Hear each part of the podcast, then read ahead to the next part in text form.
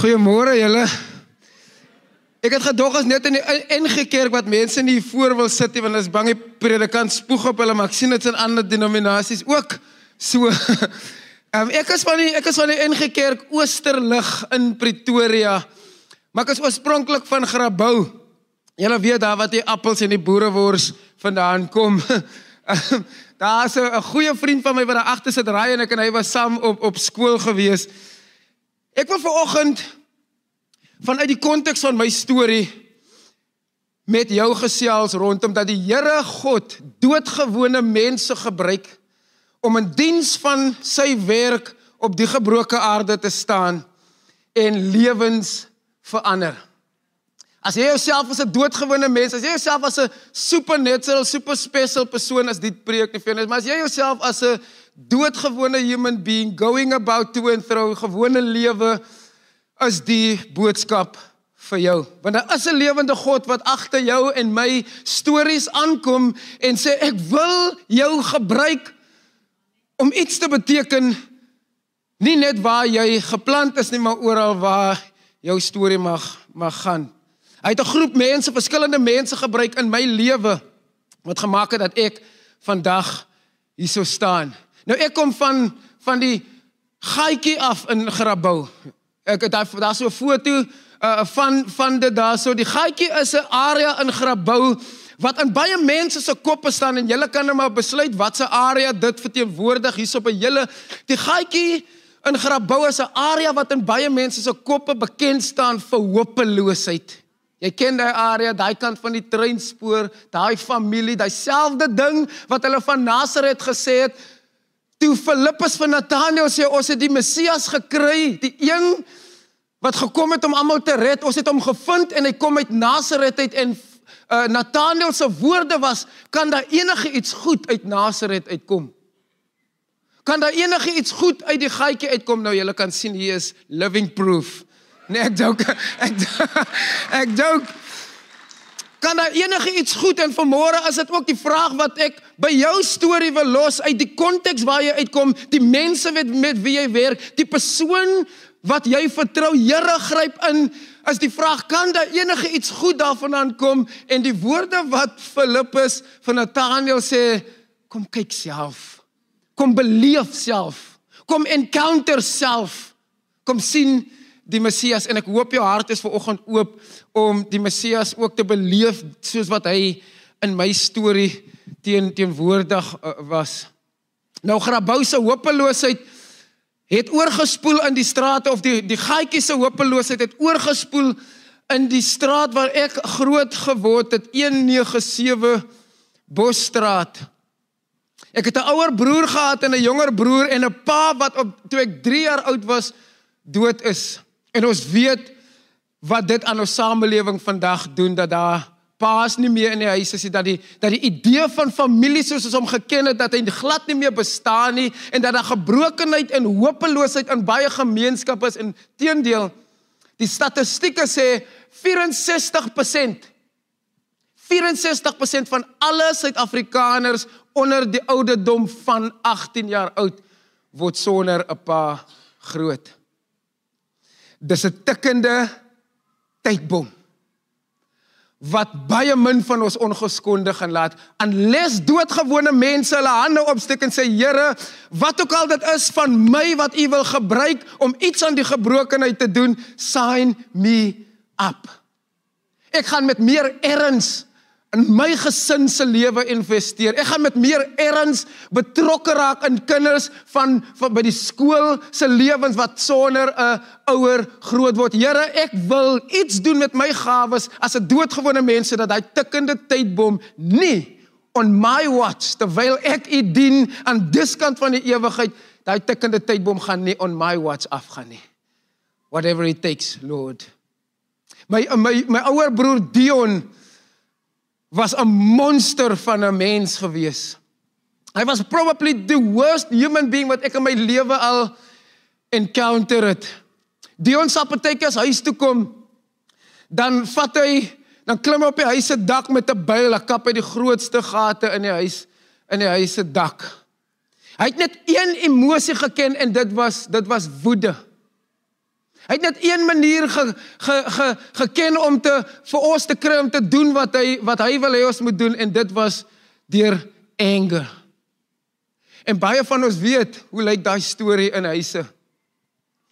Waar daar iemand so gebroken is, maar nie die spasie het om hulle borskas oop te breek en te sê dit is wat in my binneste aangaan. Hulle het nie die vrymoedigheid om dit te doen nie en hulle haal dit uit op hulle kinders of die familie rondom hulle. En my mamma let jy op die rooi foto, sy was 'n godsvrou, doodgewone vrou wat by die ouete huis gewerk het in die wasgoed afdeling van die ouete huis en sy het net een manier geken om te beklei en dit is op haar knieë voor die lewende Here. Sy het geen ander manier geken hoe om haar eie seun te resist. Sy het gebid en vertrou en geglo en al wat ek beleef het was dat daar hoe meer sy bid, hoe meer is dit asof Dion net erger raak. En ek weet jy of jy al daai spanning, of dalk ken jy iemand wat met daai spanning leef van ek glo, maar wat ek beleef is iets anders van wat ek glo. My my my beleefde ervaring, my omstandighede by die huis lyk nie soos die geloof waaraan ek probeer vashou nie en daar kom 'n wat ons noem 'n disillusionment, 'n ontnigtering kom in baie mense op. Hoeveel keer kan ek nog bid en vertrou en glo en dinge lyk net of dit nie verander nie. En ek het 'n Vrydag vir die tieners gesê en ek sê dit oral waar ek gaan, dis wanneer ek en jy deur ons omstandighede eers kyk en dan God sien. Is daar fout? Maar wanneer ons eers God sien en dan die omstandighede weet ons as Jesus sê in Johannes 16 vers 33 in die wêreld gaan julle swaar tye beleef. Maar hou moed. Ek het die wêreld oorwin. Hy was lewendig en hy het al reeds gesê hy was nog nie gesterf van die kruisie. Hy het nog nie eens deur daai donker nag gegaan en het gesê ek het reeds die wêreld oorwin. Hou moed asseblief. Viroggend moet jy moed hou vir wie ook al jy die Here vertrou in jou storie, hou moed, hy het die wêreld oorwin. Die ons sal huis toe kom, dan vat hy 3 of 4 kar tyres, steek dit aan die brand, dan gooi hy dit in die kamers van die huis en dan wil hy die huis afbrand en ek kon nooit sin maak dat daar 'n liefdevolle God in so 'n stukkende wêreld kan wees nie.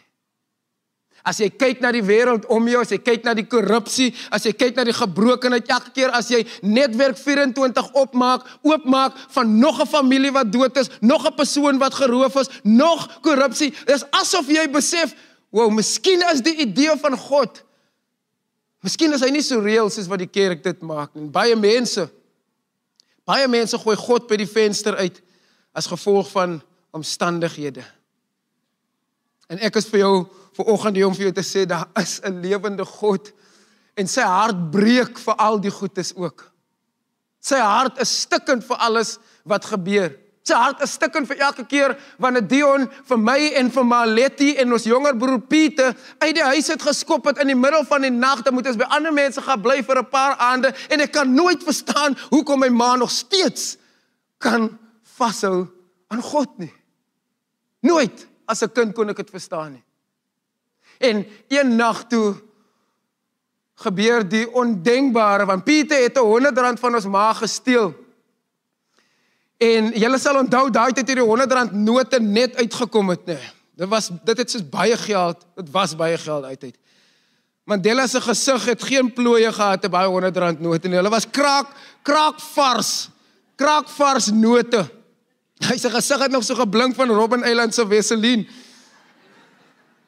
kraak vars 100 rand note en en Pieter steel 100 rand en en Maletti kan nie na hom kykie want sy moes 6 dae 'n week het sy het sy gewerk en al wat sy kon doen was om vir Pieter verbeteringsskool toe te stuur Boys Town.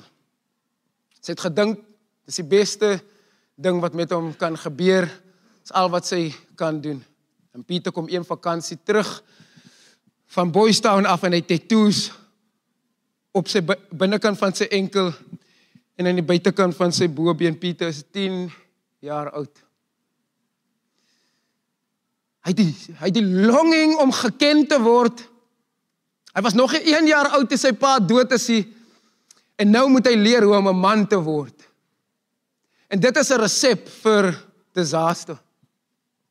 Hy het een nag geslaap as 'n somervakansie Desember uit geslaap. Sy bene was exposed en Dion kom huis toe en hy's gerook en dronk en hy sien hy tattoos en die hel breek los. Hy klap ons rond Hy gooi goed rond, hy breek koppies en pierings. En hy vat 'n soprite sakkie, hy steek dit aan die brand. En hy laat hy brandende plastiek op 'n 10-jarige kind se bene drup.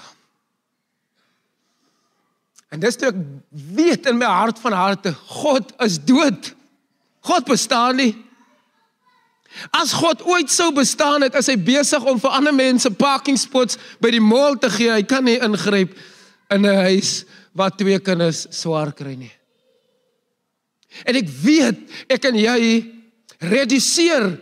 Ons het die geneigtheid om God te reduseer tot die ding wat met ons gebeur. Ons maak God so klein soos ons trauma. Ons maak God so klein soos ons armoede, ons maak God so klein soos ons egskeiding en ons dink omdat ek deur 'n traumatiese ervaring in my lewe gaan, kan die lewende Here wat van begin af daar wees, hy kan nie meer bestaan nie.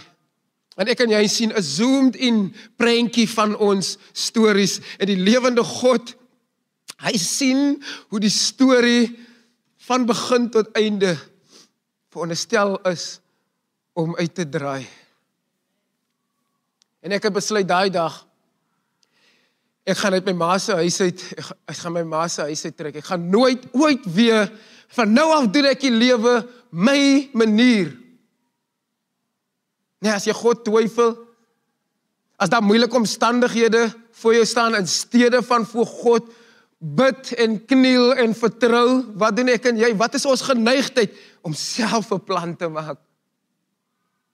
Dit was die hele dis die hele premise van die sondeval is dat Adam en Eva besef het hulle kan self 'n plan maak om soos God te word. In die oomblik wanneer jy God speel, staan God terug en sê ek het eintlik ek het eintlik iets anders in gedagte gehad, maar ek my nature, my liefdevolle natuur wat vir jou 'n vrye wil gegee het, ek kan nie anders om jou oor te laat aan jou eie keuses nie. Dit dit breek my hart, maar ek moet jou oorlaat aan jou eie keuses. Dit is hoe God na ons kyk. Hy het ons so lief dat hy vir ons die ruimte gee om self te kies om hom lief te hê of ons eie kop te volg. Ek het op die straat gebly. Ek het deel geword van 'n groepie bendes. Ons het almal meer millipitte as breinselle in ons koppe, maar ons dink ons is 'n gang. Die vriend van my Romeo op die volgende foto. Hy was bietjie ouer as die res van ons en hy het hy het vir ons by die hand gevat.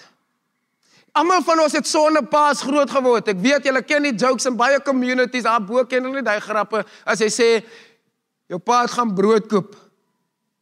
Nee, nou werk hy by Sasco. Hy hy werk 24 ure 'n dag. Hy kan nie kan nie huis toe kom met die brood of jou pa het gaan piesangs koop en nou sê hy 'n aapie daar in die zoo.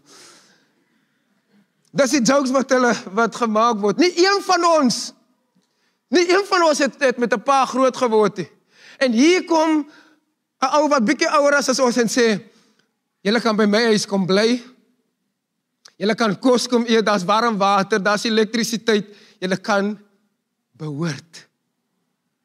Jou diepste behoefte, maak nie saak hoe cool jy dink jy is, jou diepste behoefte is om te behoort. Blaise Pascal het gesê there's a God-shaped hole in every human being and our hearts will forever stay searching until it is filled with the living God.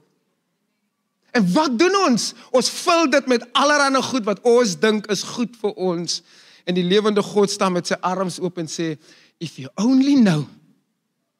As jy net weet wat vandag vir jou lewe kan gee, ware lewe sal jy lankal sal jy lankal na my toe kom. Ons het begin inbreek by mense se huise. Ons het mense se karre ingebreek. Mense se nat wasgoed van hulle drade afgesteel. Ek sê vir die tieners altyd, weet jy hoe swaar 'n nat kombers is?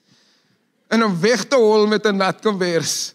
Jy moet dedication hê. Jy, jy moet toegewyd, committed wees om te kan weggaan met 'n nat kombers. Maar ons was so disconnected. So eensaam, so gebroke want niemand in die gemeenskap sien ons raak nie. Niemand in die gemeenskap sien ons vir wie ons is kinders wat nodig het om liefgehad te word, kinders wat moet hoor jy's 'n mens. Jou omstandighede het jy nie gekies nie, maar die lewende God wil iets in jou in jou lewe doen. Ons het beginne in dwelms inval. Allerhande aktiwiteite doen net om te voel jy's lewendig, want hier binne is jy eintlik so bitter, seer, kwaad. Hy's eintlik dood in die binnekant. En een Sondag nag toe hang ons uit by die straat, volgende foto in Beverly Hills in Grabouw. Hoor die ironie van die van die plakkeskamp se naam Beverly Hills. Daar's nog 'n area Melrose Place. Hulle gee al die seepies. As net 'n area build in the beautiful of 'n area Days of Our Lives. en ons my hart is swaar van al die anger al die bitterheid, al die disconnectedness, al die soeke na behoort en my broer kom en hy kom soek moeilikheid met ons. Ons het daar by daai Shabina, Shabina agter my op die foto. En ons het daar uitgang, ons is gerook en dronk en hy kom en sy vriende en hulle is gerook en dronk. En vir die eerste keer kom alles, alles wat ek van myself haat, alles wat ek van hom haat, alles wat ek van my omstandighede haat, van die samelewing haat, dat hoe is dit moontlik dat almal net aanvaar dit is hoe die storie is? Grabou, gaatjie is hopeloosheid en niemand niemand gee hulle lewens om iets daaraan te doen. En dalk was daar mense wat hulle lewens gegee het om iets daaraan te doen en en ek het net gevoel, sorry, ek ek gaan nie meer langer laat die monster my jag nie. En ek en my vriend Romeo ons raak in 'n bekleierery betrokke met my broer. En hy hulle steek mense daar in die pad en as hy en as 'n hele gemors in die straat en en ons skiet ons skiet my broer daai Sondag aand. En ek beloof julle dat nie een van die bullets was gerig op Dion Ronald Swarts my broer wat saam met my geëet het, saam met my in dieselfde huis gebly het. Nie een van dit was gerig op hom nie. Alles was ek kan net nie meer onder jou gewig lewe nie. Ek is klaar. En dis die dis die realiteit vir baie mense. Hulle bid, hulle glo, hulle hoop, hulle vertrou en dit voel net hulle gebede skiet net tot die plafon en dan val dit net dood neer En tot iemand tot iemand in die community sê kom ek wys vir jou met hande en voete en 'n bord kos en 'n geselskap hoe God hoe Jesus lyk vandag. Kom ek bid nie net vir jou nie, kom ek wys vir jou met hande en voete en 'n bord kos en 'n sakkie klere en 'n bietjie elektrisiteit. Kom ek wys vir jou hoe die lewende God vandag nog lyk. Ons het hom die Sondag aand 2 September geskiet en hy's hospitaal toe uit 'n breinleerbaadjie aangegaan en hy het gesê hulle kan my hulle blank bullet skiet en gaan môre weer terugkom vir julle. En ek wens tot vandag toe dat dit nie dat dit nie regte bullets was nie. En ek weet nie of jy ook al meeste mense dink ek sit met 'n oomblik waar jy sê ek wens ek kon. Ek wens ek het was dit maar nie en ons kan niks doen aan daai oomblikke nie maar ons kan alles doen aan hoe leef ons vorentoe nou dat ons nie meer iets kan doen aan daai regrets nie hoe hoe beweeg ons vorentoe hy's dood die woensdag middag in die hospitaal en in my hart wou ek glo dat Maletti dat sy verstaan het. In my hart wil ek glo die storie wat ek vir myself want ek het hy Sondag aand huis toe geloop na Maletti toe na daai blou huis toe en daar was 'n klomp mense en almal het my gestoot en almal het my gesê was jy en my ma het gehuil op haar bed en in my kop wil ek glo sy het verstaan maar geen ouer op dese aarde moet ooit maak nie saak hoe gebroke ons samelewing en ons gemeenskappe is, nie, geen ouer moet ooit kan verstaan dat daar een kind 'n ander kind vermoor het nie. Geen ouer mag dit ooit verstaan en ek weet daar's baie baie ouers wat huil vir verlore seuns en verlore dogters wat eens op 'n tyd die Here geken het en eens op 'n tyd in hulle in hulle roeping geglo het en eens op 'n tyd vasgehou het dat hulle iets vir die wêreld kan beteken en omstandighede het gemaak dat hulle hulle eie pad kies en ouers wat by beddens kniel en huil en bid vir verlore seuns en dogters om eendag huis toe te kom. En my uitnodiging is moenie ophou nie. Asseblief moenie ophou nie. Want ek was gefonnis 6 jaar 6 maande tronkstraf Eers by Caledon gevangenis, toe by Brandvlei, toe by Drakensberg gevangenis waar Mandela ook was, toe by Victor Vis by by Brandvlei gevangenis se jeug en toe by Brandvlei gevangenis se volwassenes. Ek het so 'n bietjie van 'n prison road trip gedoen om te kyk, lyk like al die tronke dieselfde. Sodat jy nie hoef te gaan kykie. ek het klaar die job gedoen. Dit lyk dieselfde. Dit is alles net gewone koue rooi facebrick. Dis jy hoef nie te gaan checkie. Ek het uh, uh, die soeke na behoort het nooit weggegaan nie. Daai volgende foto, ek was onder ouderdom. Jy moet 18 wees om in 'n gemeenskaplike kamer te wees. Ek was 14 toe ek toe ek verhoor afwagtend toe gaan. Ek was amper 16 toe ek gefonnis was. Ek het vir 21 maande in daai presiese daai presiese enkelsel gebly. Ek sê vir die tieners, daai foto is obviously gevat toe ek uit die tronk uitkom en jy kom nie in die tronk en dan gee hulle vir jou hoed nie. So jy kan nou sien. Maar hulle ag, dis waar my teks geld gaan. Hulle gee hoedens vir bandiete. Nee, dit hulle doen nie.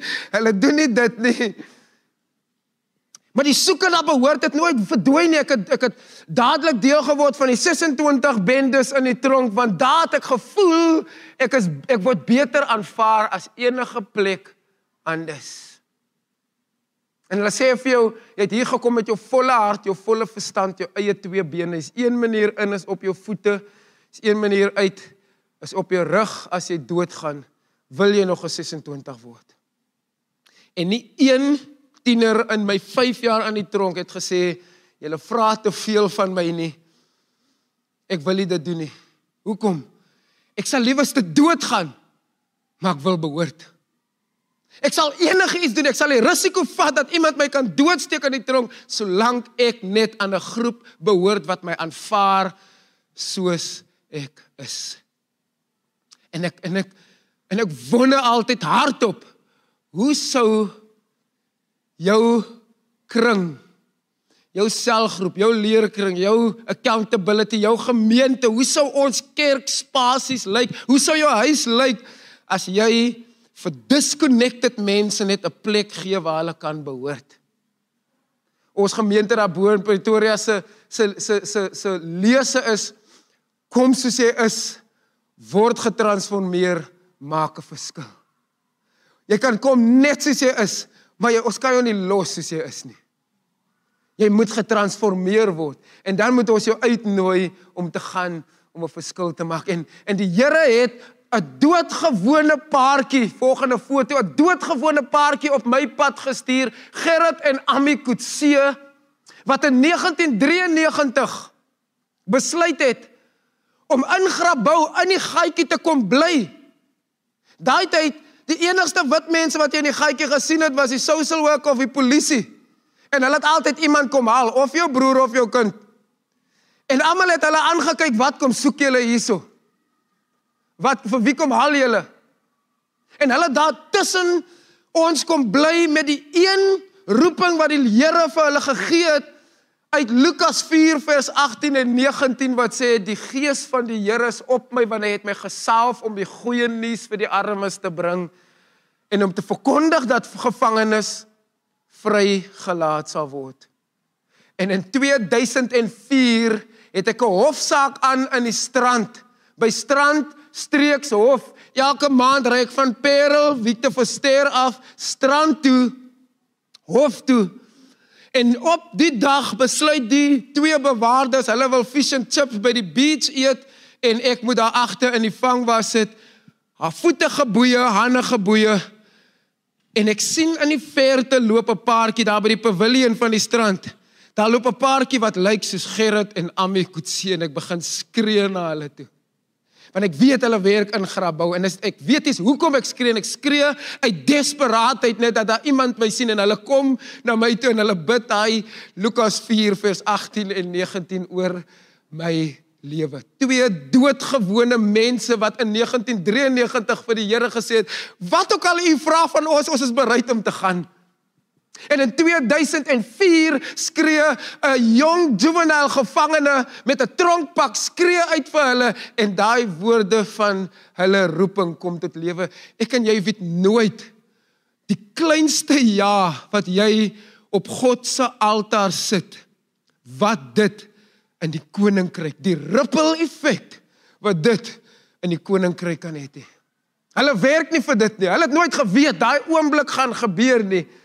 En hulle sê ons Here ons eis Iwer se lewe terug by die vyand. Ek is terug tronk toe ek het aangegaan met my tronkbende aktiwiteite en nie veel na dit gedink nie. En een Vrydagmiddag in die tronk 2005 rand ek 'n laaitjie aan. En hulle stuur vir my enkelselle toe. En daar is 'n onderwyser, 'n doodgewone onderwyser in die tronk met die naam van Juffrou Jolanda Vrysen Hugo wat tot vandag toe 'n onderwyser in die gevangenis is. Wat sê Here, ek is 'n onderwyser, maar my lewe is 'n heilige roeping. Ek is nie sommer net 'n onderwyser nie. Ek wonder baie keer as mense sê as jy hulle vra wat doen jy? Ek is maar net. Jy weet as mense sê ek is maar net 'n ma. Nee, nee, nee, nee, jy's nie man net nie. Jou lewe, dit wat jy tans doen, is 'n heilige roeping wat 'n groot ripple effek kan hê. Ewigheids ripple effects kan hê. En as 'n Vrydagmiddag die tronk as om as besig om toegesluit te word, die master lock gaan hulle aansit en ek die juffrou vind uit ek is in die enkelsel en sy kom besoek my in enkelsel nommer 7 seksie B brandvlei gevangenis. En sy bedien my met 'n song wat op die radio speel van Robbie Williams wat sê I've got so much life daai volgende foto I've got so much life running through my veins going to waste. En sy sê I would die as jy het soveel lewe wat die Here God jou gegee het en al wat jy doen is om 'n 26 te wees daarmee. Ek wil jou help om iets anders met jou storie te skryf. Sy skryf vir my in vir matriek in die tronk met 'n oranje pak wat oral op staan prisoner. Ek sê altyd ek weet jy of hulle bang is, jy skrik een oggend wakker en jy weet nie meer waar jy is nie. Hulle dink jy, ja, dit lyk of ek by Goudini Spa is. En dan moet hulle net net vir double checking moet hulle op jou klere sit. Jy's 'n bandiet, jy's in die tronk. Sorry vir jou drome. Maar ek dink hulle doen dit ook doelbewus. Hulle doen dit sodat jy kan besef jy verdien nie 'n tweede kans nie. En ek weet nie wat is die labels wat gelykstaande is aan prisoner wat op jou storie sit geskei. Slegte goed in my lewe aangevang. Al die vuil merke wat jy kan plak op jou storie wat vir jou voel jy disco jy's disqualified om jou lewe op die altaar vir Christus te sit. As ek hier vanoggend om vir jou te sê dis juis dis juis as gevolg van jou erkenning van hoe gebroken jy is. Want Jesus sê ek het nie gekom vir die mense wat dink hulle is oukei okay nie. Ek het gekom vir mense wat juis besef sonder jou kan ek niks doen nie, Here. Ek het nie gekom vir die wat gesond is nie, ek het gekom vir die siekes. Ek het gekom sodat die wat besef ek het u brood nodig in my lewe. Ek lyk aan die buitekant lyk ek prim en proper en of alles oukei okay is, maar aan die binnekant weet ek waarmee ek worstel as ek op my eie is, Here. red my, sien my raak, moenie ophou, moenie opgee op my nie. Ek het 'n datum gekry 7 Desember 2005 verlaat ek die tronk. My ma Maletti is intussen oorlede aan 'n hartaanval terwyl ek in die tronk is. My jonger broer Pieter is saam met my in dieselfde tronk. Pieter se 28 bendelid, ek was 'n 26 bendelid en ons praat nie met mekaar nie. En daai 26 Julie 2005 roep meneer Streyers, die hoof van die tronk by Brandvlei jeug, roep ons na sy kantoor toe en sê julle ma's nou net dood. Julle is al wat julle oor het. En julle moet besluit hoe gaan julle lewe. En ek sê vir Pieter ek weet nie wat gaan jy maak met jou lewe nie. Maar die tronk sal my nooit ooit weer sien nie. Ek het nie 'n plan gehad nie. Ek het nie geweet hoe gaan dit uitspeel. Ek het net geweet ek sal nooit weer terug tronk toe kom nie. En toe ek 7 Desember 2005 die tronk verlaat, toe besef ek Gerrit en Ami se kerk is in Grabouw. Sien 1993 1993 steek hulle hulle hande op, Here, om die evangelie te verkondig aan die armes, om vrylating van gevangenes aan te kondig. 7 Desember by die paroolkantore op Caledon stap ek uit daar met so R200 in my sak en net die klere wat ek aangehad het vir daai dag is al wat ek own en Gerard en Ami Kutse se seun Gideon Kutse is die eerste persoon wat my in my nuwe lewe ingroet en sê kom saam met ons. Jy weet nooit wat jou ja vir die lewende God kan beteken nie. Jy weet hy hy gebruik hy kan nie anders te men ander mense gebruik as doodgewone mense nie. Mense wat dink hulle is ultra super special en almal se deure moet oopgaan wanneer hulle instap, hulle het nie God nodig nie. Hy soek mense wat sê Here, ek het nie veel nie. Ek het net die bietjie olie in die kruik, Here. Maar ek sit dit op die altaar vir u gebruik. Gideon hulle het my Gordons Bay se spur toe gevat verby Grabouw gery Gordons Bay se spur daar En ek was so overwhelmed met die menu, ek was sommer vol toe ek na die menu kyk.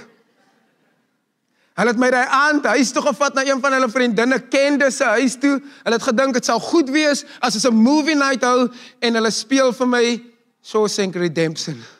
'n Tronkfliek wat ons klaar in die tronk gekyk het. So net so om 'n bietjie humble te hou, kyk nog 'n tronk movie asseblief. Net om te weet waar die Here jou uitgehaal het een Sondagoggend sonne om my te pressurize het ek saam met hulle elke Sondag kerk toe gegaan. Eintlik het ek kerk toe gegaan want die kerk het elke Sondag na die diens het die kerk kos gegee vir enige een wat honger is. En ek was honger, dit was 'n fair exchange. Jy soek my siel, ek soek jou kos. Let's do this. Maar een Sondagoggend het Gerrit 'n uitnodiging gemaak En gesê as jy moeg is van die lewe jou hoe hy doen, wil ek jou uitnooi om die lewende God te ken. En ek het gesê dit huis ek. Vandag is daai ek. Ek het vorentoe gestap en ek het hulle het vir my gebid en die mense ek het gehuil weet jy daai tyd weet ek jy uh, daar's 'n Heilige Gees en hy oortuig jou en jy huil en ek is soos hoekom chunk ek? Wat gaan aan? En die mense in die kerk chunk ek sê hoekom chunk julle? Maar hulle het 'n 'n glasbak agter in die kerk gehad met so 'n klomp sticky notes in. Klein enkele sticky notes. En dit was hulle gebedsbak. En hulle het een van daai papiertjies uitgehaal en my naam was op daai papiertjies en hulle het gesê Maletti het laat ons haar beloof dat ons elke liewe dag vir jou moet bid. Vir jou en vir Pieter. En daai dag het Marletti se grootste gebedsversoek waar geword. En ek weet tot vandag toe nie hoekom 'n gebed vir Pieter nog nie waar geword het nie. Ek weet tot vandag toe nie hoekom my liewe broer nie kan sien hy kan nie meer die lewe sy wy doen nie. En is my job om konstant Maletti se gebedsversoek voor die Here te lê. Asseblief Here, doen wat jy vir my gedoen het. Asseblief at some point, ek smeek jou. En ek weet dit. En dis die beauty van die mystery van God. Ek en jy is geroep om net gehoorsaam te wees, niks anders nie. Jy is nie geroep om God te speel nie. Jy's geroep om 'n doodgewone mens met 'n doodgewone storie te wees en te sê Here, waar ook al hoe ook al, gebruik my net asseblief. Ek is gehoorsaam. Ek wil dat U my ek wil dat U my gebruik. En hy volgende foto is waar ek jare later by Gerrit en Amile se gebedslokaal waar daai gebede gebeur het, 'n dokumentêre film kon gaan doen oor Maletti se gebedslewe. Hy bestaan vandag nog. Bestaan daai plek as 'n baken van as God dit kon doen, maak nie saak hoeveel jaar later vir Ivan nie. Maak nie saak hoe Maletti se knie gelyk het nie, maak nie saak hoe jou knie lyk vir jou oom of jou man of jou seun of 'n vriendin se kind of 'n vriendin of 'n vriend nie. Hou aan bid tot die lewende God. Hy bestaan. Moenie laat die sekularisasie van 'n samelewing vir jou vertel God is dood. Science is koning. God bestaan nie. Moenie laat dit laat hulle vir jou vertel want ek het nie 'n scientist het nie my lewe verander nie. 'n Scientist het nie in my hart geklim en my hart getransformeer en my denke getransformeer nie. Die lewende God het dit gedoen. Ek is jammer. Hy het dit gedoen. Niemand anders nie. Want God, hy volg die volgende foto. God maak uit die stikkendste harte maak hy die mooiste kunswerke. Hy maak die mooiste kunswerke. Julle sal weet, hulle het dit al gehoor, seker daar's 'n Japaneese kunsvorm wat hulle noem kintsugi wat hulle gebroke uh, 'n ceramic en mosaïek vat en hulle maak hulle hulle gooi nie net die stukke weg nie. Hulle vat 'n 'n liquid goue 'n gom wat hulle wat hulle dit mee saamwerk en dit gee nuwe betekenis aan die stuk wat gebreek het en dis wat God doen. Hy vat my en jou gebroke stories en hy vat daai golden liquid wat ons noem grace En hy werk dit vas en hy sê vat nou daai stikkende ding na die wêreld toe as 'n geskenk en sê ek is nie perfek nie, maar ek ken 'n God wat kuns uit onperfektheid maak. Jy kan sy naam aanroep. En my storie is die juist die storie van die verlore seun wat huis toe gekom het in Lukas 15 vers 16 tot 18. Ek skryf van die proloog van van die verlore seun van die gaatjie skryf ek die volgende woorde: Ek is die oudste broer en ek was ook al die jongste een in die verlore seun verhaal. Ek het al fees gevier saam met boemelaars en ek het al verbitterd gestaan teenoor ander se seun. Ja, soms verlore, maar steeds hoopvol en diep dankbaar vir genade. En in die verte soos ek aankom, blink die blye trane van my vader. En die verlore seun se pa sê die teks, hy het heeltyd daar gewag en hy het gesien daar in die verte lyk 'n vuil kind wat aankom, hy lyk soos my seun. En ek gaan nie wag tot hy eers by die hekkie kom nie, ek gaan die hek oopmaak en ek gaan na hom toe hol en ek gaan hom tegemoet kom en ek gaan hom omhels en ek gee nie om hoe gebroken hy is en hoe los hy is en hoe vuil hy is nie. Hy bly my seun. En daar's verlore seuns en dogters. Dalk is dit jy dalk is dit iemand wat jy ken wat die omhelsing van die lewende God nodig het om te sê gee nie om gee nie om hoe ver jy al verdwaal het nie Genade is die GPS wat jou huis toe kan lei. Kom huis toe asseblief. Kom huis toe. Ek het um ek het in 2000 en uh, 2008 was ek Pneumatics toe. Ek het daar by Pneumatics gaan swat. Ek weet of julle Pneumatics ken nie. En by Pneumatics het ek uh, op 'n kamp gegaan. En um daar was 'n swembad by die kamp en Ek wou 'n girl impress, ek altyd vir die tieners moenie girls probeer impress nie. Ek wou 'n girl impress en ek het gehardloop en ek het geduik en toe ek in die lug is, toe sê die mense pasop, die swembad is vlak. En toe tref my kop die bodem van die swembad en toe breek ek my nek. En 'n mens dink ek en jy dink as ek die Here ken, is ek gevrywaar van lyding, nê? Nee. Daar's sekere teologiese strome en sekere vorms van spiritualiteit wat sê nou dat jy 'n Christen is, is net health, wealth, prosperity, niks sal ooit weer fout gaan in jou lewe nie. En as ek die Bybel lees, dan besef ek daar's 'n God wat nie sy eie seun gevrywaar het van 'n kruisdood nie. Hoekom sal hy my en jou van lyding spaar? Want dis in die lyding wat ons juis 'n dieper verstaan van God se genade ontvang. Dis juis in die lyding wat ons 'n dieper verstaan. Dis juis in die twyfel. Dis juis in die waar is God wat ons 'n dieper verstaan van sy genade ontvang.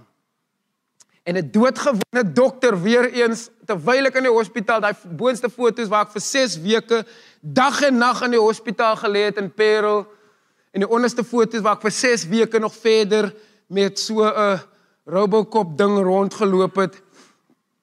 En 'n doodgewone dokter dag eendag by my hospitaalbed op en hy kyk na die ekstrale van my besering en hy sê die volgende woorde sê there must be something that you still have to do in this life. Go figure out what it is. Sy naam is daar random dokter wanneer ek het hom daai dag ontmoet en ek het hom nooit ooit weer gesien nie. Partykeer as jy geroep om net een woord, een drukkie, een boodskap, een pakkie kos te gee. Jy's nie geroep om die hele wêreld te red nie. Jy's geroep om gehoorsaam te wees, vriend. En net daai een ding, ek het hom nooit in die hele trajectory van my lewe van daardie af het nou weet ek ek is nie hier sonder 'n doel nie. Hoor hoe sê Paulus dit vir ons in Ephesians 2:10 sê, "For we are God's masterpiece." Created in Christ Jesus to do the good works God has prepared for us in advance. Afrikaans sê want ek en jy is God se hande werk. Hy het ons so in ons eenheidsband met Christus geskape sodat ons die goeie werk wat hy vir ons bestem het kan doen. Jy is nie 'n wasted echo nie. Jou lewe is nie verby nie. Die persoon wie jy die ingryping van God voor vertrou, hulle lewe is nie verby nie. You have to believe me. Want elke mens, maak nie saak hoe vuil, hoe verlore, hoe hoe prodigal hulle is nie, hulle is ook God se masterpiece en het sy genade en het sy genade nodig. My gunsteling my gunsteling teks wat my lewe opgebou het, opgebou is is in Kolossense 2 vers 14 en 15. Want jy sien daai foto en die is 'n police clearance certificate. Dis my kriminele rekord. Ek hou dit as 'n trofee. Nee, ek doen nie. Nee. Dit is my kriminele rekord met alles wat ek voor aangekla was, skuldig bevind was, gefonnis was, is hier op die papiere. En jy weet as jy oor see gaan of jy wil vir 'n goeie werk aansoek doen, moet jy 'n police clearance voor aansoek doen. As jy 'n visum wil kry. En as jy nog niks uh misdade teen jou het, kom daai kom dit as een papier terug en sê jy is skoon. Nou wie ek weet as jy 'n kompetisie nie, maar ek het 3 blaaie, so ek wen. ek wen. Genade wen. Hierso, is als hier op. In Kolossense Kolossense 2 vers 14 en 15 sê die volgende, sit gou vir ons daarop, daai volgende een. Hoor gou hier. Hy het die dokument met sy voorskrifte. Hoor julle? Die dokument met sy voorskrifte wat as 'n klagstaat teen jou lewe is. Elke ding wat jy dink diskwalifieer jou vir die ewigheid, diskwalifieer jou in diens van God. Hy sê hy die dokument met die voorskrifte wat as klagstaat teen ons gedien het, uitgevee deur dit vir goed weg te neem, deur dit aan die kruis vas te spyker. Die dokument is vir goed weggeneem. Dis nie tydelik weggeneem nie. Dis vir goed weggeneem. Jy hoef nie jy hoef nie in God se naam hoef jy nie aan jou guilt en jou seer en die burden van jou regrets vas te hou nie. Want die dokument met die klag staat met die voorskrifte wat teen jou tel is tot niet weggeneem. Hoor gou die volgende wat sê dit verder. En so het hy die regerders en die gesagvoerders ontwapen. Wat se regerders en wat se gesagvoerders van die bose? Hy het dit gedoen deur oor hulle te triomfeer met die kruis. Hy het van hulle 'n bespotting gemaak. He made a scandal. Dis wat die Engelse woord hy sê, hy het van hulle 'n skandal gemaak deur oor hulle te triomfeer met die kruis. En is as gevolg van die genade en die kruisdood van Jesus Christus, die skande van die kruis, die bespotting van die kruis en die aanstootlikheid van die kruis, die offensiveness van die kruis wat ek hier voor julle kan staan, vrygekoop, nuut gemaak, geliefd, gered, sy kind. So hoe jy hier kan sit, vrygemaak, nuut gemaak, gered, geliefd, sy kind. En kyk gou net daai laaste foto van wat God gedoen het. 7 jaar getroud met Nadine Swarts en 9 maande Luther Swarts wat in Pretoria is en dit sou nooit sou nooit gewees het as ek aangehou het aan die papier vashou nie. Dit sou nooit, dit sou nooit die storie gewees het nie. En die lewende God maak kuns van die stukkendste harte. CT Stad gaan ons nou bid. CT Stad die volgende een sê in 'n gedig volgende slide. Only one life it will soon be past. Only what's done for Christ will last. Jy het net een lewe en dit gaan gou verby. En net dit wat jy as 'n doodgewone mens op die altaar vir Christus gesit het, gaan oorbly. Kom ons bid saam. Lewende Here, U ken alleen die harte en die die hongerte U ken die verlies. U ken die seer, u ken ook die vreugde. U ken die genade, u ken die dat dat mense vandag overjoyed is dat u hulle gered het. Maar ek weet ook dat mense vanoggend mense ken wat nie nie ken nie. En ek wil kom bid dat doodgewone mense, Maletties, Gerrit en Amies, Vrys en Hugos, random dokters, Nadine, Luthers dat dit mense na u toe sal wys en sê daar is 'n God, jy kan aan hom vashou, jy kan in hom glo, hy het jou lief. Only one life. It will soon be past. Only what's done for Christ will last. Om Jesus naam. Amen.